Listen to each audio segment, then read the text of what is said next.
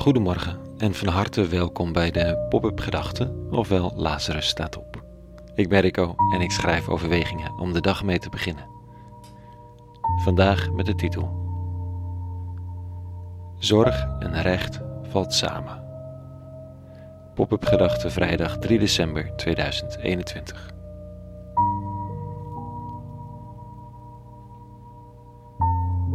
Zou het moeilijk zijn om aan de ene kant voor je oude omaatje te zorgen en tegelijk voor grote hoeveelheden geld belasting te ontduiken. Ik weet al wel dat het lastig is om met je kinderen op je fiets door rood te rijden. Het is sowieso geen goed idee dat we rood rijden, maar het wordt zo'n gewoonte met de gedachte: ik kijk zelf al uit, dat hoeft zo'n licht niet voor me te doen.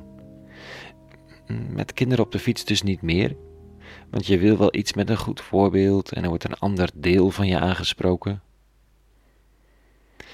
dus misschien werkt het ook wel zo met oma en belasting. Je verzorgt dan iemand die in een tijd geleefd heeft waar solidariteit levens redde. Zij verhalen dat mensen bij het ontstaan van de AOW het geld dat ze aan het eind van de maand overhielden terugstuurden. Dat hadden ze niet nodig gehad. Oftewel, er zou een correlatie kunnen zijn tussen zorg en recht. Niet 100%, want het lukt ons mentaal vrij goed om verhaaltjes te verzinnen waarmee we ons onrecht goed praten. en dan kun je prima ook de zorgende, liefdevolle, oppassende medemens zijn, die ook de kat in het donker knijpt. Toch is het verband interessant. Spreek de mens aan op de zorgenreflex en zie eens of dat gerechtigheid brengt. En andersom. Ik denk eraan omdat in de lezing van vanochtend een soort hoopvolle toekomst wordt geschetst. We lezen die teksten omdat het adventstijd is en dan staan ze dus op de kerkelijke jaarlijst. Deze oude teksten zijn later toegepast op Jezus van Nazareth, met goede redenen. In de tijd dat ze geschreven werden, waren het vooral uitingen van hoop, profetie en hopelijk van vertrouwen. Dit staat er. Op die dag zullen doven kunnen horen hoe uit een boek wordt voorgelezen en blinden zullen met eigen ogen zien, bevrijd van duisternis en donkerheid. Dan zullen verdrukten de Heer weer loven, zwakken juichen om de heilige van Israël, want het is gedaan met de geweldenaar, voorbij met de spotter. Ieder die op onrecht zint zal vergaan, wie een andere valse beweringen ontlokt, wie de rechters in de poort wil verstrikken, wie het recht van de rechtvaardige schendt met loze beweringen. De wonderen van Jezus van Nazareth, waar we later in de Bijbelsteksten over lezen, verwijzen hiernaar. De blinden zien, de doven horen. Het zijn tekenen dat deze dag, waarover in deze tekst geschreven wordt, is aangebroken. Het fascinerende in dit stukje vind ik de naadloze overgang tussen blinden die kunnen zien en geweldenaars voor wie het spel uit is. Doven zullen horen en het is klaar met iedereen die op onrecht zit. Daar zit een boeiend verband verbinding.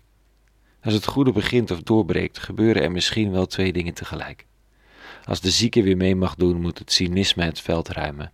Als de lichamelijk beperkte weer gewoon toegang heeft tot de samenleving, dan wordt de achterbaksheid of het geweld een minder logische optie. Ik voel hem wel.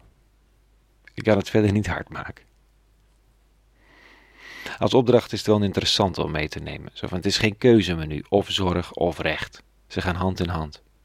Dat niet de een zegt: Ik ben van het verplegen, de politiek laat me koud. Of het verplegen boeit me verder niet, daders moeten gestraft. Als het, hard, als het hand in hand gaat, dan is de zachte en harde kant van, van de mens in evenwicht. De rechtroeper en de zorgverlener, de activist en de helper. Dat geeft gelaagdheid, geloofwaardigheid en diepgang aan beide zo broodnodige manieren van inzet. Jezus van Nazareth is er zo een. Maximaal scherp naar tijdgenoten die regels in stand houden die de mens onrecht doen. Maximaal zorgverlenend naar wie ook maar op zijn pad komt en hoopt, gelooft of vertrouwt dat hij een kans maakt. Tot zover vanochtend. Op deze vrijdag voor het weekend een zorgzame en rechtvaardige inzet gewenst. En een idem dito behandeling. En vrede natuurlijk en alle goeds.